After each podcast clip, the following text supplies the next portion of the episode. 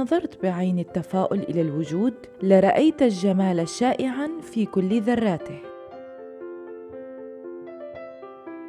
شو ما كانت الظروف والتحديات والحالة اللي نحن فيها؟ لما بدنا نشوف أو نعيش لحظات حلوة ما بنكون عم نفكر غير فيها. يعني بننسى آلامنا وأوجاعنا مقابل هاللحظة اللي بتنسينا الدنيا وما فيها. لحظة ليضحكوا ويبتسموا بالرغم من الوجع اللي عم بيعيشوه محاربي السرطان.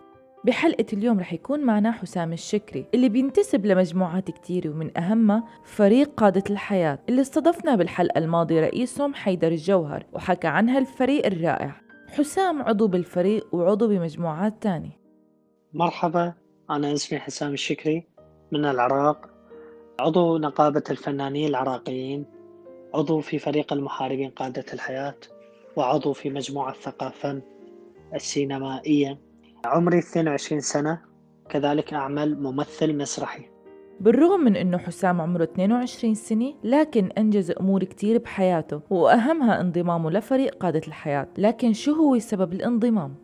كنت هواية أتابع فرق فنية وأدبية داخل العراق وخارج العراق وأنا مكتفي بالانتماء لمجموعة ثقافة لأنها تعمل في مجال السينما والمسرح. لكن من شاهدة فريق المحاربين قادة الحياة آه، صراحة تمنيت أن أتواجد وياهم وأن أكون عضو داخل هذا الفريق. ومن دخلت تشوقت تفاجأت بالنشاطات تفاجأت بالأعمال آه، تفاجأت بالورش اللي يقيموها آه، خصوصا أنه خط سير الفريق مخالف تماما عن عملي في مجموعة ثقافة فهنا من شفت فرحة الأطفال في ردهة المرضى غمرتني السعادة.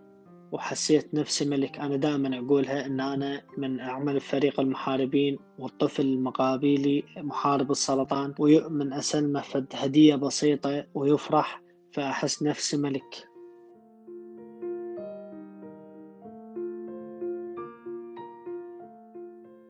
العراق مليء بالمآسي ومحافظتنا المثنى من ضمن المحافظات التي تحتاج إلى تكاتف أهلها لمساعدة بعضهم البعض فنيا وثقافيا واجتماعيا ووجدت أن الفريق يلبي هذا الجزء من رغبتي ومساعدة الناس وبمساعدة المرضى ألا وهم مرضى السرطان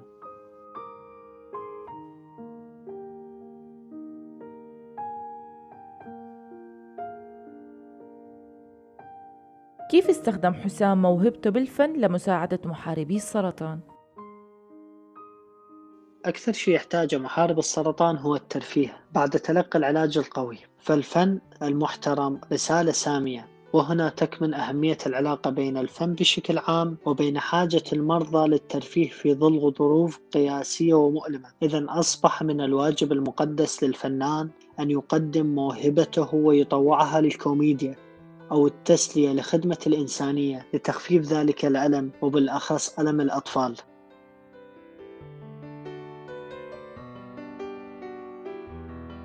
موقف لا ينتسى. طبعا الموقف اللي ما أنساه أبد من مثلنا مسرحية الثلاثي المرح بردهة الأورام السرطانية بمستشفى الحسين. دخلت دور المهرج. طبعا المهرج لازم أضحك الأطفال وخصوصا أن أنا أول ممثل راح يطلع من الكواليس على الخشبة مع المسرح. أثناء تقديمي للمشهد وانتباهي على الأطفال شلون بعضهم يضحك بالغصب. بسبب الألم اللي يشعر به بعد أن يأخذ الجرعة. طبعا أشاهد أول ما دخلت على خشبة المسرح أشاهد أكو أغلب الأطفال اللي واقفين شعرهم متساقط بسبب الكانسر ونسوا هالشيء وإنهم مرضى وانتبهوا على حركاتي طبعا حسيت بصغر تعبي وما اقدمه رغم أهميته بالنسبة لهم حسيت أنا لو أبقى 24 ساعة أقدم لهم أعمال مسرحية كوميدية ما راح أعادل لحظات الألم اللي يحسون بيها أو شعورهم وخوفهم وهم أطفال لمجرد إنهم يدرون إنهم مصابين بال cancer. صدقيني شعور صعب جدا يخليني بس أريد أريد أن أشرد من أمام عيونهم لكن من دخلت ووقفت أمامهم وضعفت يعني سحبت نفسي للكواليس على مود أتقوى على مود أقدر أسيطر على نفسي وأرجع أدخل وأوقف أمامهم. لأن صعب الطفل من الصعب أن ترضيه. فهنا من جاني حيدر ودخل وراي للكواليس وعدل المكياج من جديد قال لي الخاطر ضحكتهم ارجعوا أدخل ضحكهم. فهنا أنا يعني حسيت نفسي الصراحة يعني قلت لك أنا حسيت نفسي ملك ودخلت ضحكتهم وفرحتهم وسبحان الله آه، قاموا ينتظروني من أسبوع إلى أسبوع على مود أجي وأحضر للردها وأشاهدهم واقفين بباب الغرف منتظرين شو وقت أدخل.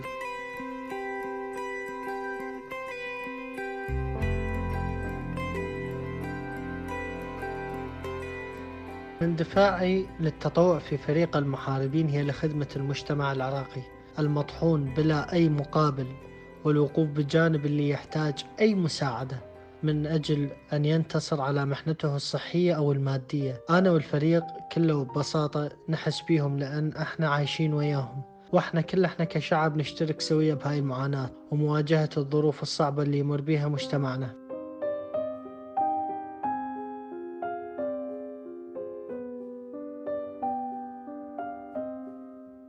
إصرار حسام وأصدقائه بالفريق كان أقوى من الظروف اللي عم تواجهها العراق. ما نسيوا إنه في ناس بحاجة ابتسامة وضحكة أكثر من أي شيء تاني وهالشي فينا نقدمه ولو بكلمة أو جملة أو حتى فينا نقدمه بابتسامة منا تقدر ترسم ابتسامة أحلى منها بوجوههم. كنتوا عم تسمعوا حلقة من بودكاست حكايتي مع السرطان؟ معي أنا غيداء مراد آغا. استنونا بأمل جديد وحكاية جديدة. سلام!